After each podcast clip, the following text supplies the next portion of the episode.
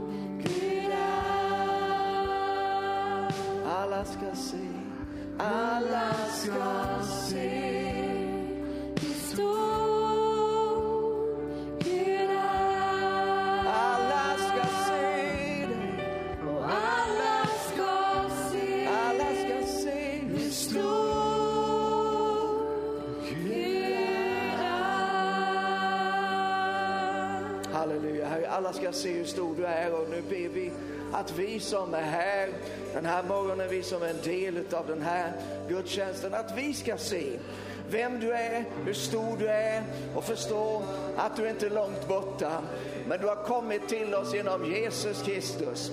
Eh, den här täckelset som hängde i templet och som var en symbol för att vi människor inte kunde närma oss dig. Det täckelset, det är söndergivet. Ända uppifrån och ända ner. Halleluja. Och därför så kan vi komma till dig. Därför kan vi se dig. Därför kan vi ta emot dig. Därför kan vi möta dig. Så det bara smäller om det. Och vi ber att vi ska få göra det den här dagen, Herre. Vi tackar dig för att du är här. Vi tackar dig för att du är här. Vi tackar dig för att du är här. Och Herre, även om vi inte visste det så vet vi det nu. Vi vet att du är här, Herre. Halleluja. Och vi är så glada, vi är så tacksamma för det faktum att du har kommit till oss. Halleluja. Åh, vi prisar dig, vi ärar dig.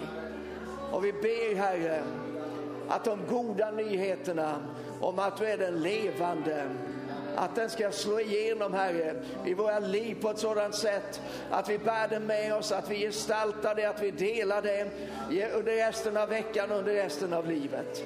Vi tackar dig för ditt ord som är levande, för din ande som leder och hjälper och styrker oss och smörjer oss. Halleluja, och gör oss till vittnen. Halleluja, till jordens yttersta gräns. Vi välkomnar dig heliga Ande. Tack att du väcker vårt öra att höra på lärjungars sätt. Och du hjälper stackars predikanter med. Jag tackar dig för det. Amen. Amen, vad underbart. Varsågod och slå dig ner om inte du redan har hittat så står det en stol bakom dig. Eh, och den är reserverad just för dig. Eh, det här med att höra på lärjungasätt, jag vet inte om ni tänkt på det. Vad är det som är speciellt med att höra som en lärjunge? Räcker det inte med att höra? Ja, det är bra. Har vi uppmärksamma, eh, uppmärksamma mötesdeltagare. Alltså, en lärjunge, det vi, har, vi har ju fördjupat oss lite grann i det här med lärjungaskap några veckor här under hösten och eh, det är ju onekligen så att eh, Jesus talade väldigt mycket om lärjungar. Han talade ingenting om kristna. Även om vi är stolta över att kalla oss kristna. Eh, det är liksom inget som vi skäms för på något sätt utan det är underbart att få vara en kristen. Men det Jesus ville ha, det var mycket tydligt tycker jag. Det var att han ville ha lärjungar. Och en lärjunge, det är någon förstås som lyssnar då, det ligger i sakens natur, men inte, det stannar inte där, utan lärjungen omsätter på olika sätt i praktiken det som han eller hon har hört. Och du och jag, vi är vad då? Just det. Halleluja, det förpliktigar ju. Eh, men det är också oerhört, eh, en oerhörd förmån och få vara en lärjunge. Och eh, nu tycker jag jag har kommit därhän att jag kan inte hålla på och repetera allt jag har sagt för då kommer vi aldrig vidare. Men jag hänvisar gärna till ett- åtminstone tre tror jag gudstjänster här under hösten då jag har på olika sätt berört det här med lärjungaskap. Och eh, genom Guds nåd så ska vi eh, försöka att komma vidare den här dagen. Men jag vill komma in från en liten annan infallsvinkel. Eh, och, eh, Vi ska läsa i fjärde Mosebok till en början. Fjärde Mosebok, det elfte kapitlet. Och medan du letar upp det i din bibel eller i din telefon eh, eller i ditt hjärta, om du nu kan den utan till, eh, så vill jag bara också passa på att rekommendera förra söndagens predikan. Eh, om du inte var här eller du var här eller du, du undrar hur kan man in, involvera en gräsklippare vid namn Kurt i ett budskap och komma någon vart med det så vill jag rekommendera dig det budskapet. Om du tycker att det är fullständigt självklart så vill jag ändå att du ska lyssna på det för det var så talande eh, budskap som Simon gav oss förra söndagen. Så ta del av det, lyssna gärna på det igen. Och nu läser vi från den fjärde Moseboken och det elfte kapitlet och egentligen skulle vi ha Eh, en stor del av kapitlet, men det tar lite för lång tid tänker jag så att jag tar mig friheten att rekapitulera. Vi befinner oss i öknen.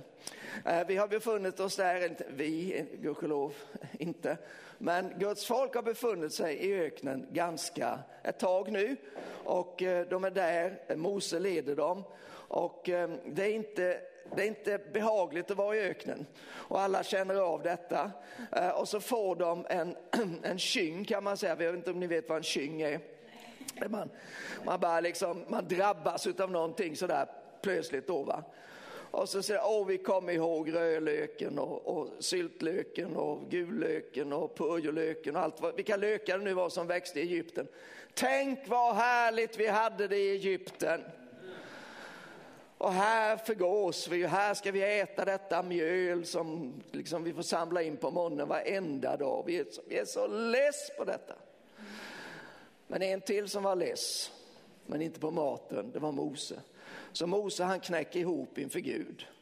Och han säger det är lika bra att ta livet av mig Gud, för det här, det, det här klarar ingen människa alltså. Åtminstone klarar inte jag det och då får vi hålla i minnet att Mose ansågs vara den tålmodigaste människan på jorden. Men det var för mycket också för honom.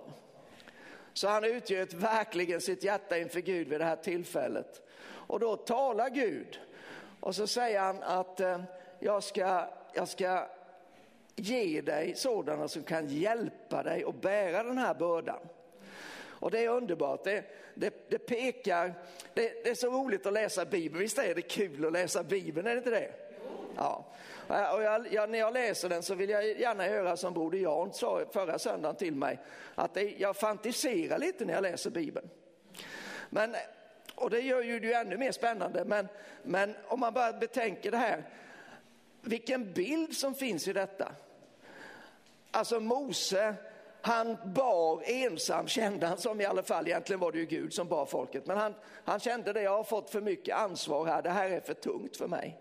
Eh, och så säger Gud, jag ska ta det och så ska jag lägga det över flera. Det är precis det som Gud har gjort genom Jesus Kristus i det nya förbundet. Han har tagit det som låg på Jesus och så har han lagt det på de många, på församlingen.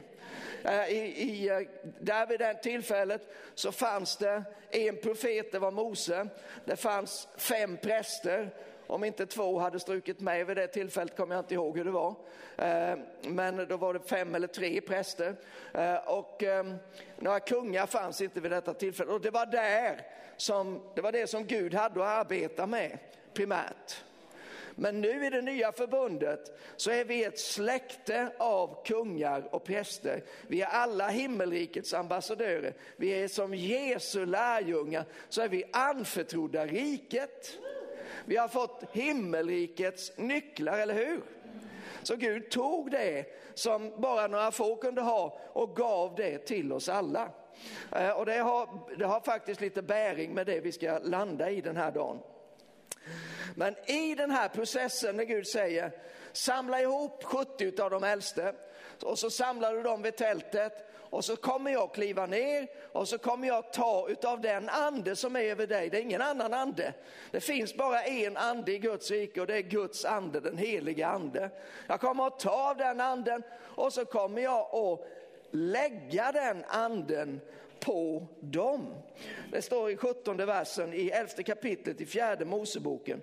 Där ska jag då stiga ner och tala med dig och jag ska ta av den ande som är över dig och låta den komma över dem. De ska då tillsammans med dig bära bördan av folket så du slipper att bära den ensam. Och så, så, så kommer eh, lite mellansnack där eh, och sen så, ehm, så håller Alltså Gud och Mose har en konversation här som pågår och den är väldigt öppenhjärtlig kan man säga. Och det är någonting som är väldigt härligt med Gud, att man kan vara öppenhjärtlig med honom. Han vet ju ändå vad vi tänker. Vissa saker ska vi inte säga och det kanske finns en poäng i det. Men det är absolut också så att Gud tål eh, att ta del av våra funderingar och våra frågor och våran frustration också. Men eh, det är väldigt härligt om inte vi bara har sånt att komma till Gud med, eller hur? Ja, om, om, om jag bara kom till Elinor hela tiden och berättade hur frustrerad jag är och hur jobbigt allting är och, och om inte hon kunde göra detta och varför inte någonting har hänt och så vidare. Så skulle hon efter ett tag, även om hon är tålmodig, så skulle hon säga du, kan du gå ut i trädgården och gräva ett slag eller någonting i den stilen för att det blir lite mycket här nu. Men i den här konversationen, den mynnar i alla fall ut i, när vi kommer fram, och nu ska vi försöka hålla oss till texten här, eh, kapitel 11, vers 24. Mose gick ut och talade om för folket vad Herren hade sagt. Han kallade samman 70 män av de äldste i folket och lät dem ställa sig runt omkring tältet. Då steg Herren ner i molnskyn och talade till honom och tog av den ande som var över honom och lät den komma över de 70 äldste. När anden nu vilade över dem började de profetera. Men det gjorde de sen inte mer. Två män hade stannat kvar i lägret. Den ene hette Eldad, den andra Medad.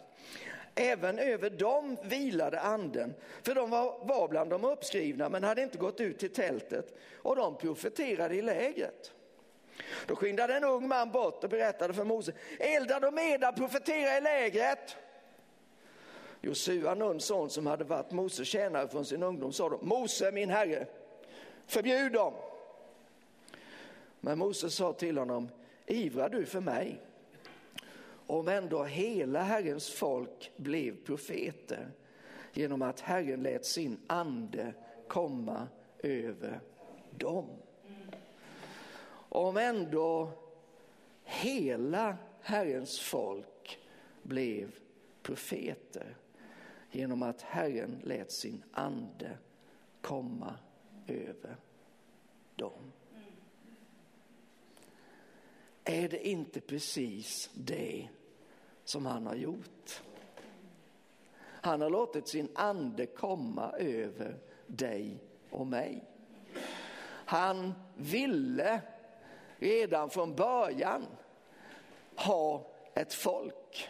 Han utvalde Abraham som sedermera fick bli Abraham för att han ville ha ett folk. Var det inte det han sa till Abraham i första Mosebok, det tolfte kapitlet? Gå ut ifrån ditt land och ifrån din släkt eh, och så ska jag gå till ett annat land som, som jag ska visa dig och där ska jag välsigna dig. Jag ska göra det till välsignelse och du ska bli ett folk. Gud vill ha ett folk. Idag har han ett folk. Och vad ska det här folket göra? Det här folket ska profetera. Det är vad lärjungar gör. De inte bara lyssnar, utan de talar också. Och när de talar så talar de det som Gud vill att de ska tala. För det är att profetera. Vi ska, vi ska ta oss tillbaka till första Mosebok och ett tillfälle där Gud talar just till Abraham. Jag tror att det är kapitel 17.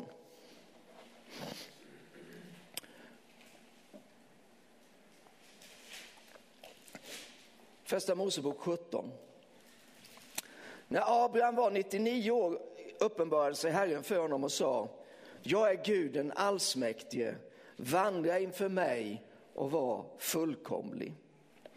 Och notera att han heter där Abraham. Abraham, det betyder upphöjd fader. Ab, det är den första, bo- eller Av som man säger på hebreiska, den första bokstaven i det hebreiska alfabetet. Det börjar med en far. Det är lite, jag läste om en, en undersökning man har gjort nu i Sverige, vad som är det största andliga inflytandet över unga människor. Om de får själva säga vad som de tycker är det viktigaste andliga inflytandet, eller mötesplatsen med Gud eller där man får ta emot det som har med, med den kristna tron att göra. Och på första plats så kommer lovsången. Det är, liksom, det är ju någonting som har växt fram under de sista årtiondena väldigt starkt eh, och det är underbart. På andra plats så kommer den personliga bibelläsningen. På tredje plats kommer mamma. Och sen kommer det några andra grejer. På åttonde plats kommer pappa.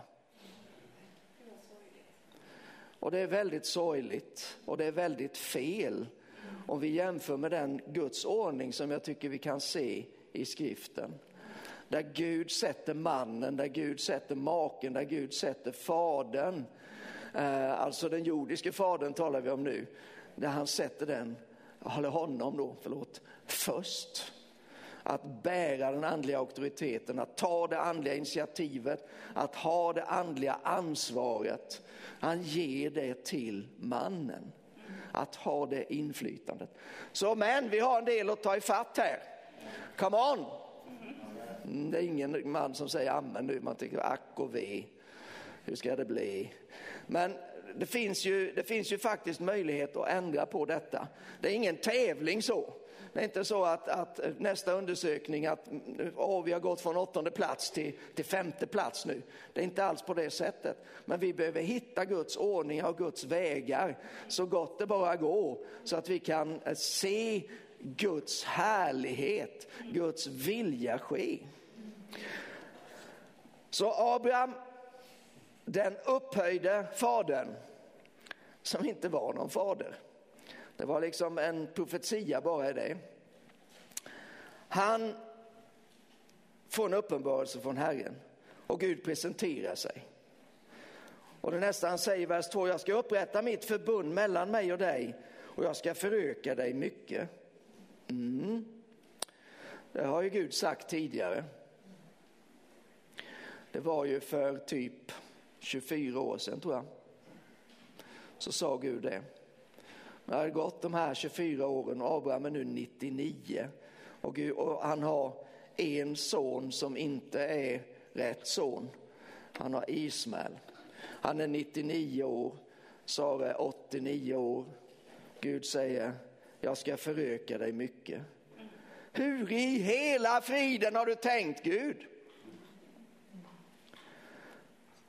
Då föll Abraham ner på sitt ansikte och Gud sa till honom, se detta är mitt förbund med dig. Du ska bli far till många folk. På hebreiska så är det Abraham. Därför ska du inte mer heta Abraham, utan ditt namn ska vara Abraham. För jag har gjort dig till far för många folk. Det finns en detalj som jag tycker är intressant i den här lilla texten. Och det är att Gud först säger, du ska bli far till många folk. När säger han det? Ja, han säger det innan Abraham har blivit far till löftessonen. Men i nästa andetag så säger Gud, jag har gjort dig till far för många folk. Alltså den här, den här jag tror att även om inte vi eh, kanske sitter i, i barnlöshetsdilemmat, så många av oss, så, så upplever vi ändå den här, att vi är i det här spänningsfältet mellan vad Gud har sagt, vad Gud har lovat och vad vi har fått se bli förverkligat i våra liv. Är det någon som kan känna igen sig i det? Ja. Jag tror att vi ganska många kan göra det om vi tänker. Eh, Gud talade till oss för många, många år sedan om en väckelse som ska svepa eh, över de här bygderna och tror vi över hela landet, kanske över hela Europa. Eh, och, och många, många människor ska komma in i Guds rike och Jesus ska komma tillbaka. Vi har inte sett det än. Vi lever i, i ett liksom ganska utsträckt, i synnerhet med tiden blir det mer och mer uttänt känns det som. Och känns ganska frustrerande eller ibland besviket. När ska det ske? Ska det ske? Kommer det att bli? Har vi missat Gud? En massa olika frågor som, som vi brottas med i det här spänningsfältet. Jag har gjort dig till far för många folk. Du ska bli far till många folk. Men det första han sa det var inte jag har gjort det utan han sa du ska bli. Och sen sa han jag har gjort dig. För vad är, vad, om vi tittar lite grann vad är förutsättningarna för att Abraham ska kunna bli far? Den absolut första förutsättningen för att Abraham ska kunna bli far det är att Gud säger det. Det är där allting börjar. Hela skapelsen börjar med att Gud säger någonting. I begynnelsen skapade Gud himmel och jord. Och Gud sa, Gud sa, just det. Det började med att Gud sa någonting. Och frågan är vad har Gud sagt till dig och mig? Inte vad säger han idag bara, utan vad har han sagt? Finns det något ord, finns det något tilltal, finns det något löfte som du och jag kan gå tillbaka till? För du måste veta att om Gud säger någonting så ångrar han inte det. Eh, Paulus säger det tydligt i Romarbrevet, han säger, eller möjligtvis i Korinthierbrevet, kommer jag inte ihåg vilket, så säger han så här, sina löften och sin kallelse, det kan inte Gud ångra. Inte, inte att han känner för att han vill det kanske, men han kan inte ångra det. Så då, då finns det ordet som Gud har sagt, det finns där. Men vad är det då som gör det verkligt? Ja, jag tänker på ett bibelord i andra kanten på bibeln, i första Thessalonikerbrevet, det femte kapitlet. Och här är ett annat som man egentligen skulle vilja ta med och läsa hela kapitlet, för det säger så många bra och viktiga saker. Men vi ska bara ta en enda vers. Och det är den 24 versen, första Tess 5. Trofast är han som kallar er, han ska också utföra sitt verk. Trofast är han som kallar er, han ska också utföra sitt verk. Så utgångspunkten det är alltid att Gud har sagt någonting. Har Gud sagt någonting så står han för det. Himmel och jord ska förgås men mina ord kommer aldrig att förgås. Det var Jesus som sa, eller hur? Eh, och, och det, det, är ju ganska skönt att ha det att falla tillbaka på. Men jag tror i lärjungaskapets riktning då att det också finns en del som vi inte kan bortse ifrån. Gud har talat, men vi behöver också tala. Så en titel på det här budskapet, om man nu ska fundera på titlar, det är Vad säger Gud? Vad säger du? För att det har också en väldig bäring i situationen. Gud vill att allt hans folk ska vara profeter. När de, jag funderar på vad sa de där eh, 68 som var vid tältet? Vad sa de egentligen när Guds ande kom över dem? Det står bara att de profeterade. Och Eldad och Medad då som skolkade men som ändå profeterade fast på annat ställe. Det är så märklig berättelse hela grejen. Men vad sa de egentligen? Vad är det att profetera? För många av oss, vi kanske är uppväxta i kristna sammanhang och i karismatiska sammanhang. Och, och jag, jag är ju en av dem. Och jag kommer ihåg eh, tillfällen. Eh, jag var häromdagen, eh, jag, gör lite program på TBN och jag var nere i Stockaryd och Stockaryds TBN där, det är ju i en gammal pingstkyrka. Där jag hade en del av min uppväxt. Och jag kommer ihåg ehm, eh, jag kan nämna dem vid namn, men det behöver jag inte göra. Men det fanns en, en ganska kraftig broder. Han satt alltid längst ut vid fönstret, typ tre bänkar bakifrån. Eh, och ehm, han sa inte så mycket förrän han sa det. Men då vaknade man till ifall man hade somnat för att då kom det någon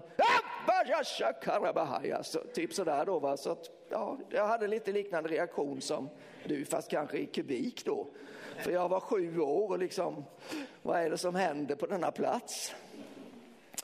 Och så profeterade han. Och så fanns det en annan, en liten tunn man som hette Ivar, kom från Linnevik. Han ställde sig upp och med ganska pipig röst och väldigt stillsamt så sa han, så säger Herren. Och för många av oss så, så tror jag att vi förknippar det här med att profetera. Det är att någon, vanligtvis i en kyrkosättning eller i en gudstjänst, ställer sig upp och börjar med så säger Herren, eller kanske börjar med ett tungotal. Och det är absolut att profetera, men jag tror att profetera det är någonting mer. Jag är inte säker på att de 68 plus 2 i fjärde Mosebok 11, att det var så det gick till. För jag tänker att profetera, det är mycket mer på ett sätt vardagligt eller vanligt än vad vi tänker. Eh, det, det, det, visst är det speciellt, men det är inte bara speciellt, det är också liksom självklart, det är naturligt.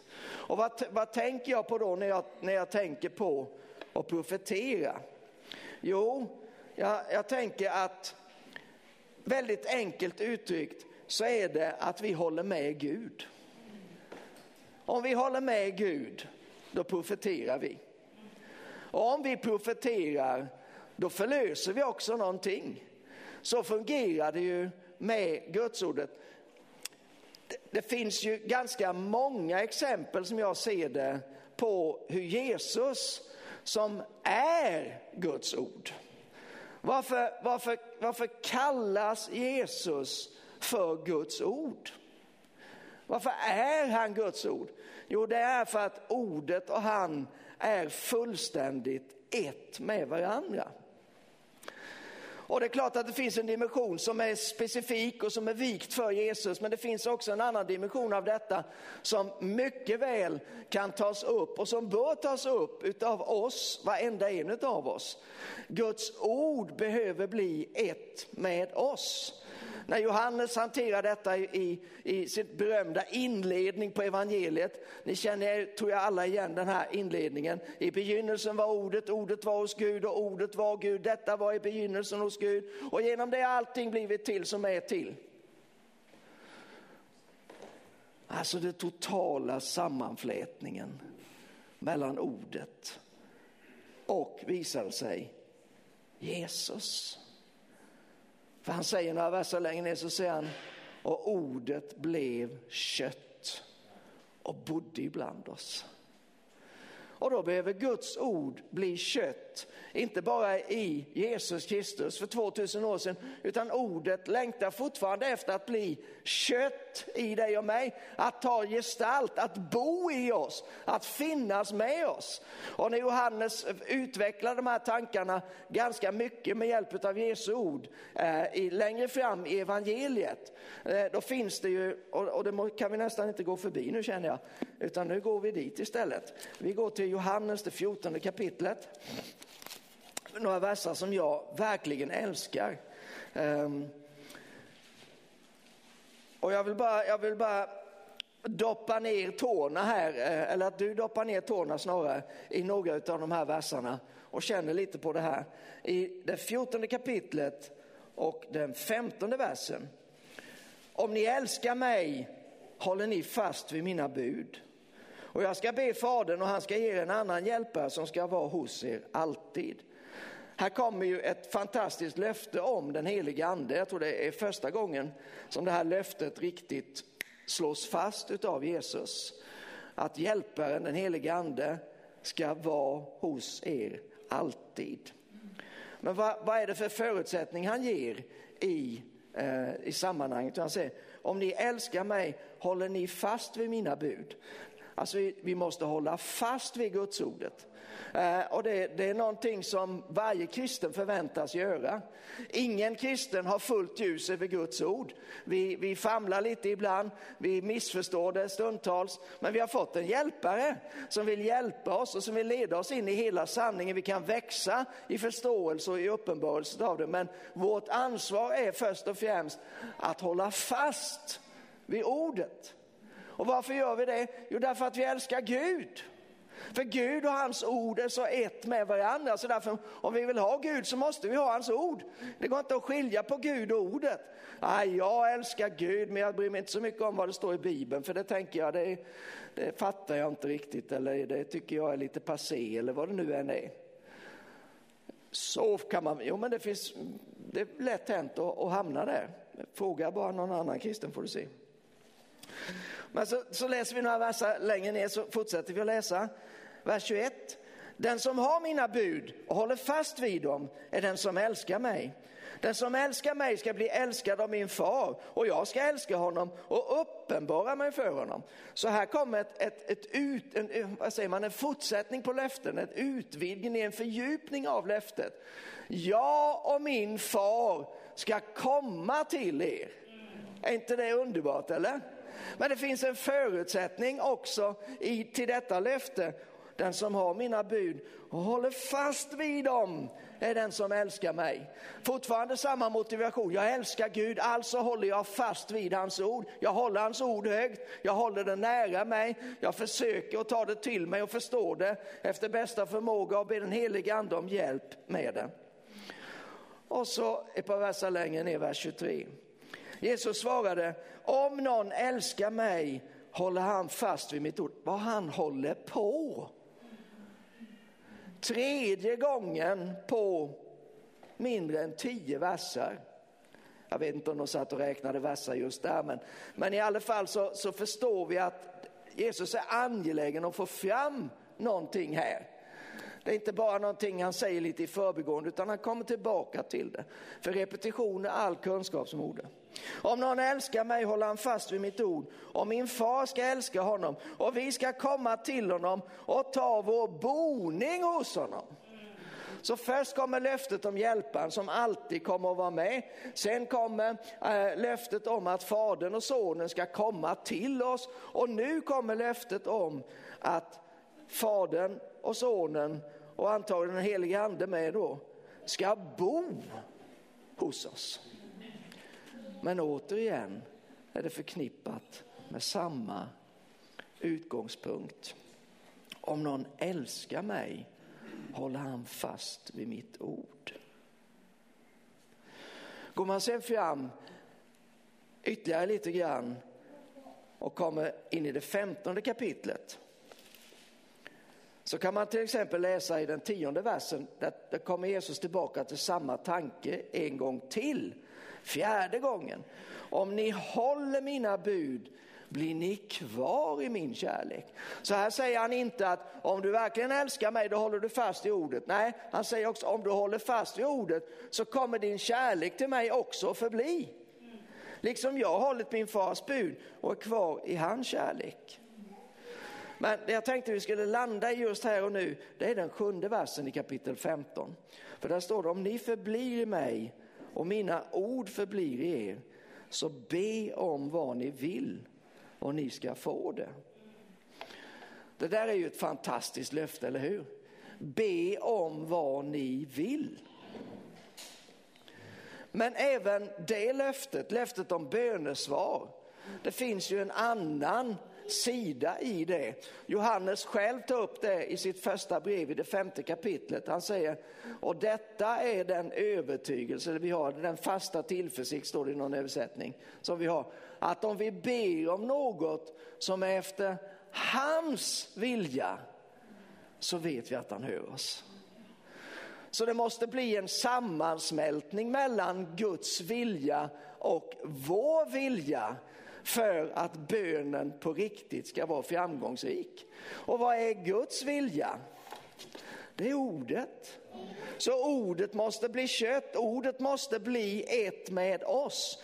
Vi kan inte leva av allt möjligt och tänka att det ska komma ut någonting enhetligt ur det. Vi behöver leva av Guds ord. Människan lever inte allenast av bröd, sa Jesus, utan av varje ord som utgår från Guds mun. Men om vi tittar på Jesus så kan vi se att det sätt på vilket han levde med det, det var att han sa ingenting annat än vad han hörde sin himmelske far säga. Johannes har ju verkligen snöat in på detta kan man säga, både i evangelien och i breven. Men han eh, ger oss en väldigt, väldigt tydlig bild av hur Jesus inte söker sitt eget, hur Jesus lägger ner sitt eget till förmån för det som Gud vill.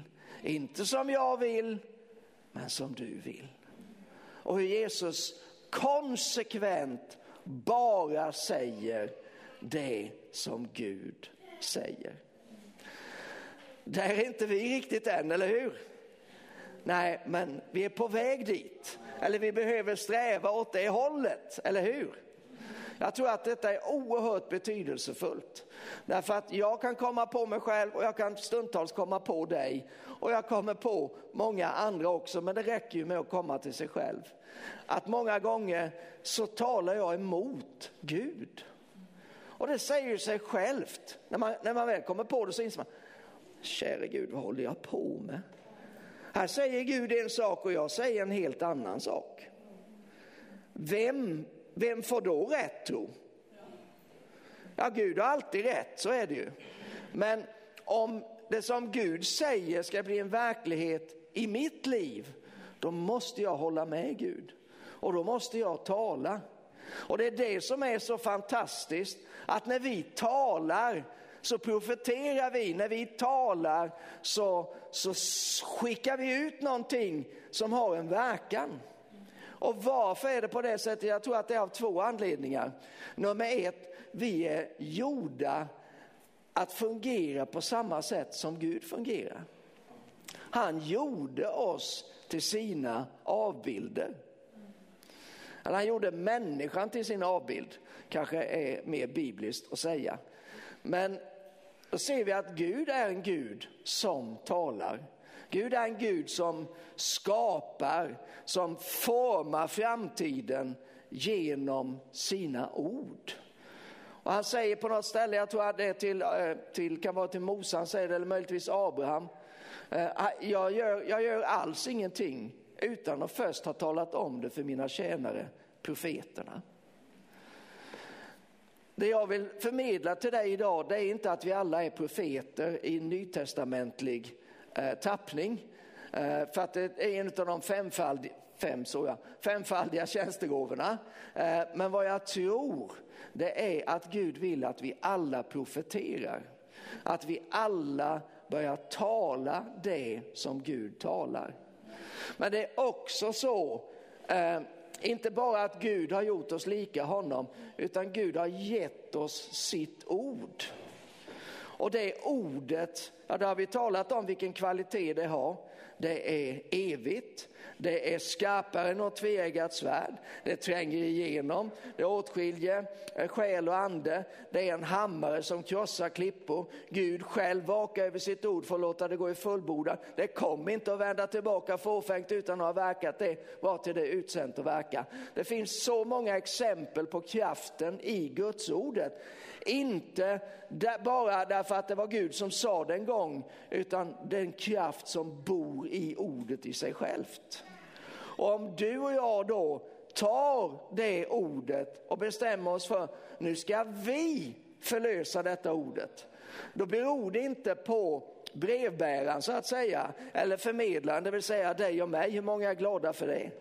Det beror inte på vilken auktoritet vi har eller vilket eftertryck vi kan lägga till orden eller hur vältaliga eller, eller eh, välutbildade vi är eller pålästa. Utan kraften bor i ordet. Om vi nu bara kan få, få för oss och få med oss att vi behöver säga det som Gud säger. Ja, men hur gör man pastorn? Ja, egentligen är det inte så svårt tänker jag. Saken tror jag mest ligger i att vi behöver påminna oss själva i detta. Så, så till exempel så jag se om jag kommer på några bra exempel här, det borde jag ha tänkt ut innan, men så är det. Eh, men säg att det, vi, vi hamnar i en situation, det går oss emot. Vad är den naturliga reaktionen? Ja, det är att man börjar prata om den här situationen. Så det här, oh, det här är så svårt. jag ser ingen utväg, jag fattar inte hur jag ska kunna lösa det här. Nej, och så, du, du kan ju vara 110 procent säker att goda vänner sluter upp vid din sida och visar medkänsla och medömkan och vanligtvis säger ja, käre vän, jag ska tänka på dig. Eller liksom, ja, jag förstår att det här är jobbigt för dig. Och allt det där, det är ju rätt och bra till en viss gräns. För det finns inte så mycket av konstruktivitet eller lösning eh, i eh, att, att beskriva själva problemet, vad man vill ha. Det är ju istället någonting som löser problemet. Och vad är det då som kan lösa problemet? Ja, vad än frågan är så vet vi att Bibeln har ett svar. Det svaret är ytterst sett Jesus Kristus, Guds ord, eller hur? Så att istället Eh, för att fortsätta att beskriva problemet och hoppas att problemet flyttar på sig eller att situationen ändrar på sig. Istället för att fortsätta att göra det, börja säga vad säger Gud om det här problemet. Det innebär inte att man behöver förneka problemet, att, att det är, är synd och, och i vissa lägen tala om det. Men om man vill se en lösning, om man vill se en förändring, då måste man föra in en kraft som, bär, som har möjlighet att förändra eh, situationen, eller hur? Och, och, så tror jag att det, det var också med, med Abraham. Jag tänker på orden i Romarbrevets det fjärde kapitlet.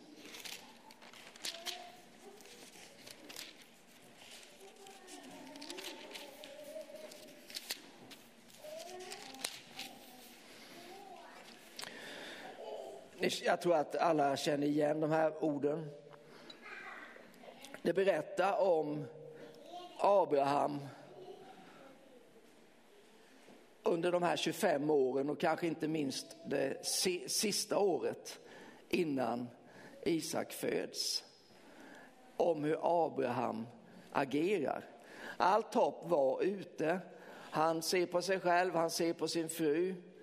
Men ändå står det att han försvagades inte i tron. Han blev starkare i tron. Han slutade inte hoppas. Det fanns inget hopp och ändå hoppades han. Vad hittade han kraften till detta? Hur hanterade han detta? Han fick ju se löftets fullbordan.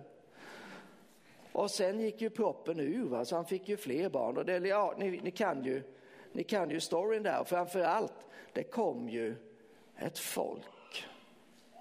Så talrikt som sanden på havets strand. Så här, Abraham, han är judarnas far, men han är också trons far. Han hoppades och trodde. Det var så han hanterade. Men det finns en annan nyckel tror jag som är betydelsefull i sammanhanget. Han gjorde det inför Gud, står det i en av verserna. Gud som, vadå? Jag ska se om jag hittar den versen nu.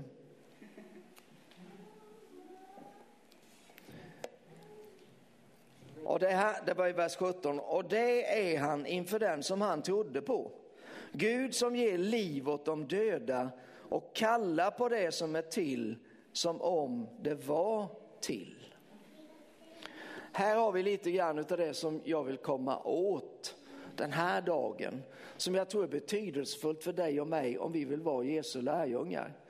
Att vi behöver börja tala det och säga det som Gud säger. Du kanske har, jag gick på bibelskola på 80-talet, eh, det, det var stort och viktigt eh, under det bibelskoleåret. Jag fick liksom inmutat i mig om betydelsen av att bekänna Guds ord. Det fanns en liten skrift som heter Troshjälpen eh, och som låg i min bibel under många år. Jag har fortfarande några stycken på olika ställen. Eh, och eh, som bara innehåller olika bibelord under olika rubriker. Om du är sjuk, ja då fanns det en stor räcka med bibelverser att bekänna, att tala ut. Och det där finns ju någon slags koppling till det som Romarbrevet säger i det tionde kapitlet. Eh, att om du tror i hjärtat och bekänner med munnen, då blir du frälst. Genom hjärtats tro blir man rättfärdig och genom munnens bekännelse blir man frälst. Så jag, jag tänker att det, det, finns någonting väldigt starkt här. Om du och jag vill se väckelse i Sverige så räcker det inte med att klaga på regeringen, varken den förra eller den nya. Det räcker inte med att säga det som media säger, det är ganska tydligt och klart. Men det räcker inte heller med att allmänt oja sig över hur gudsfrånvänt det här landet har blivit.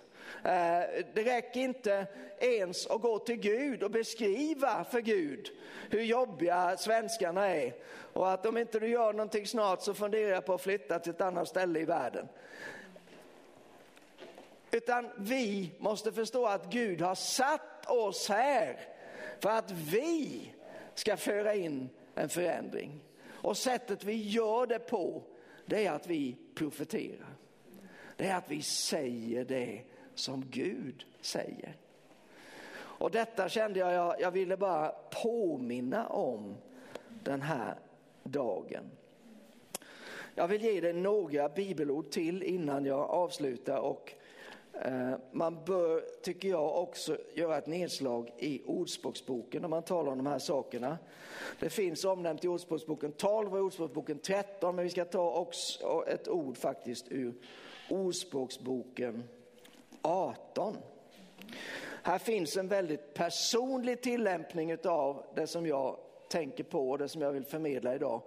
Men jag tror att man lika väl kan ta det i en bredare betydelse. Det står så här i den tjugonde versen i Ordspråksboken 18. Av munnens frukt blir magen mättad. Man mättas av läpparnas skörd. Tungan har makt över liv och död. De som gärna brukar den får äta dess frukt. Det finns ingen annan uttydning av de här verserna än, alltså det är, det är, det är inget magiskt med tungan. Alla har en tunga, eh, men det, det, är liksom inte den som är grejen. Men tungan använder vi när vi formar ord och det är totalt konsensus bland alla teologer att det här handlar om det som vi säger. Och det som vi säger, det kommer att påverka oss. Man kan tala sig in i problem, men man kan då, om, om det är sant, och det tror jag vi, de flesta håller med om, jag tror att de flesta har erfarenhet av det. Men om det är sant, då tänker jag då bör man också kunna tala sig ut ur problem.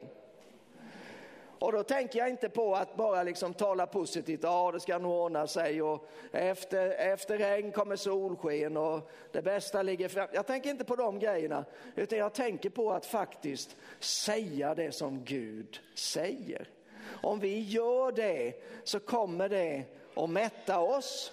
Eh, man kan läsa verserna i en negativ, ehm, negativ bemärkelse att man talar eh, katastrof över sig själv, men man kan förstås också läsa det i positiv mening. Att jag kan mätta mig med det jag säger. Jag kan få näring av det jag säger, jag kan bli styrkt av det som jag säger. Jag kan få en skörd av det som kommer över mina läppar. Eh, tungan har makt över död och liv, jag kan tala liv in i en situation. Jag kan, alltså det, finns ju, det finns många bibliska exempel på detta, givetvis. Jag tänker på, eh, eh, som jag hörde för många, många år sedan, Sten Nilsson, eh, som ju var en metodist pastor och metodistmissionär i Indien, gjorde en pionjärmission uppe i nordöstra Indien ovanför Kolkata där. Och ehm, ett stort jordbruksprojekt för att lyfta lokalbefolkningen. Och det var, det, det var så dåligt. Med, det, liksom, skördarna funkade inte, djuren funkade inte. Det var allmänt eh, bara krångligt. Och de kämpade och kämpade, han och hans fru Maj. Eh, och eh, det, det, blev ingenting, men så, så, så, så läser han i Bibeln. Och, och eh, han läser det bibelordet som säger att Gud har försonat hela världen med sig själv. Alltså inte bara människorna då, utan hela världen, alltihop. Alltihop infatt, innefattas i försoningen. Och det där gör att han börjar välsigna och tala ut försoningens kraft över hönorna och, och moret. Jag vet inte vad det var de odlade, jag kommer inte ihåg det. Så jag ska inte fördjupa mig för mycket i det. Men där, hönorna börjar värpa ägg. Det kommer ägg varje dag. Gräset eller säden börjar växa. De får stora skördar. Varför? För han förstod att jag kan förlösa liv. Genom det jag talar så kan jag förlösa Guds rike. Jag kan förlösa Guds kraft. Jag kan, jag kan få Gud att manifestera sig genom mina ord. Om jag talar Guds ord och om jag tror på det jag säger.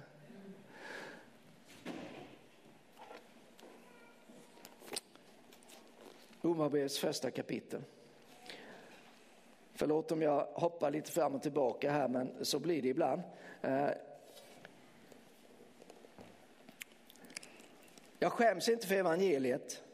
Det är Guds kraft till frälsning för var och en som tror, juden först men också greken. I evangeliet uppenbaras rättfärdighet från Gud av tro till tro, som det står skrivet, den rättfärdige ska leva av tro. Jag tror att det finns perioder där vi talar till tro. Vi, vi säger vad Gud säger och eftersom tron kommer av hörandet så stärks vår tro när vi hör oss själva säga det. Funkar förstås om det är någon annan som säger det också. Men sen kan det också och bör komma till den punkten där vi säger det därför att vi är bara övertygade om det. Vi, vi, har, vi är fullständigt eh, övertygade om att vad Gud har sagt, det kommer han också att göra. Vi vet att om Gud säger att han är här, var är han då någonstans? Ja, då är han inte där. Ja, det kanske han är, men det har inte med detta att göra. Men han är här. Varför? Därför att han har sagt att han är här. Och därför, därför håller vi ju på också att säga detta, att Gud är här.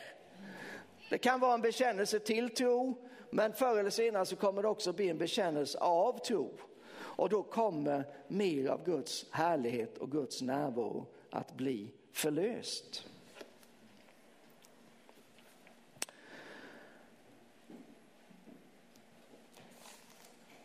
Om vi tänker på Jesus för ett ögonblick, berättelsen i evangelierna, så dras ju folk till honom. Men vad är det de, vad är det de dras till egentligen?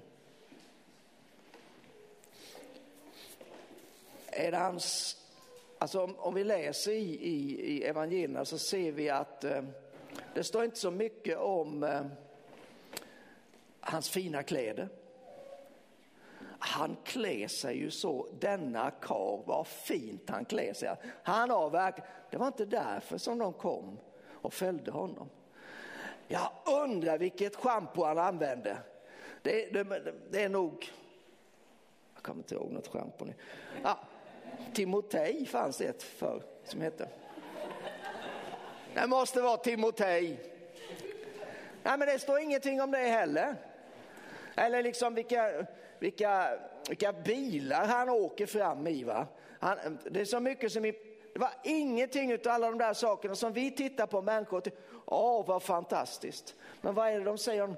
Aldrig har någon talat som den mannen gör. Det var någonting med hans ord De, var, de kom för att höra honom tala. Det var det som drog dem. Och jag tänker att, att om de gjorde det med Jesus, då finns det en attraktion i hans ord som vi behöver förstå. Det är det som är grejen med Jesus. Att han talar. Och vi behöver höra det hela tiden. Men vi behöver också börja och vara lärjungar till honom. Så att vi säger det han säger. Jag har ett par bibelord till, jag vill bara runda av lite grann eh, med detta. Vi behöver inte slå upp det, men jag vill påminna om Eh, vad du kanske har sett i första Petrus brev, det fjärde kapitlet och den elfte versen, så står det ungefär så här, om någon talar så ska han tala i enlighet med Guds ord. Det är liksom en uppsträckning till oss alla som vi behöver. Vad säger vi? Det är tydligt vad Gud talar, men vad säger vi? Det vi säger, det kan späda på en situation eller det kan lösa upp en situation. Vad vi säger, det kan skapa problem. Oj, oj, oj. Har, har inte du varit där när du har sagt någonting så oh, känner man, nu sa jag det, varför sa jag det? Och man liksom oh, försöker ta tillbaka det men det är för sent för det har gått ut och så skapar det ett problem. Men det finns förstås också en väldigt positiv kraft i detta. Att det jag säger, det kan ha en påverkan, eller det kommer ha en påverkan snarare.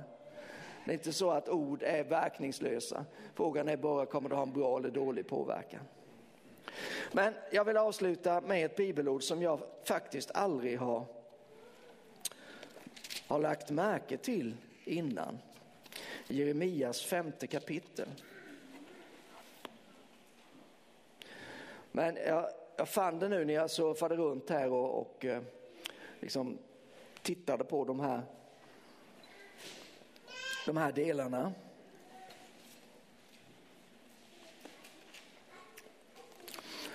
Och Jeremia, jag menar, när vi tänker på Jeremia, han är Tore-profeten. Det är tider av tuff, det är tuffa tider eh, för Guds folk. Det, är, det har gått för långt. Eh, Jeremia är den sista utav profeterna. Han vill inte profetera för att han känner det känns ganska meningslöst. Men Jeremia är också den som säger att jag teg. Men, men det gick inte det heller för det brann inom mig. Så jag var tvungen att tala. Eh, och, och eh, men det, det, det, är inte, det är ingen favoritläsning egentligen. Vi kan plocka ut en del bibelord och verser ifrån Jeremia och fröjda oss över det. Men boken som helhet, den har kommit till i en väldigt tuff och, och mörk situation och det slutar inte heller lyckligt. Inte den boken slutar inte lyckligt. Eh, så därför så kanske inte man läser så mycket i den. Och det må vara hänt. Men här är vi i kapitel 5 så är rubriken dom över otrohet och orättfärdighet. Och, och om det nu är Jeremia eller Gud, jag, jag fattade inte riktigt vilket när jag läste, men han liksom spanar för att se, finns det några som fattar allvaret i situationen? Och han går till olika kategorier av människor och så tittar han, har de fattat vad det här handlar om? Nej, det har de inte. Ja, men då går jag till några andra, jag går till de, de smarta, de, de högt uppsatta och så vidare. De måste, nej, de har inte fattat dem heller.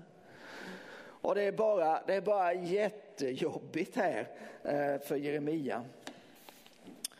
Och eh, det är lite intressant här då, så står det så här, vers 12 i kapitel 5. De har förnekat Herren och sagt, han finns inte där. Inget ont ska drabba oss. Svärd och svält ska vi inte möta. Och så vers 13, och det är detta ordet jag, jag vill landa i. Profeterna blir till vind. Guds ord är inte i dem. Vad de säger ska drabba dem själva. Profeterna blir till vind. En vind är ju någonting, alltså det finns inget i vinden. Vind är bara vind, den blåser hit, den blåser dit, den blåser iväg. Någonstans så, så är det så med de här profeterna då. Alltså, varför blir det så? Det finns alltså ingen stabilitet, det finns ingen riktning i dem. Jo, det är för att Guds ord finns inte i dem.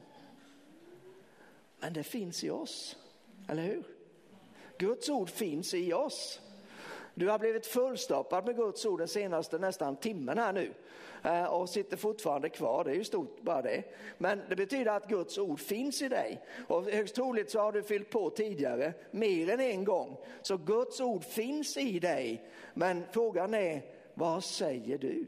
Vill du släppa ut detta ordet? Vill du tala ut det som Gud har sagt? Vill du hålla med Gud? Vill du profetera? Man behöver inte vara en profe profet för att profetera. Men det fanns också en tredje fras i den här, i den här eh, versen. Vad de säger ska drabba dem själva. Det här var profeterna som blev som en vind därför att Guds ord inte fanns i dem. Man kan ju tänka att ja, men det var inte så farligt att bara babbla dem på då. Nej, men de blir själva drabbade av. Alltså precis som Ordspråksboken 18 sa, att man får, man får frukt och skörd utav det som ens mun behandlar.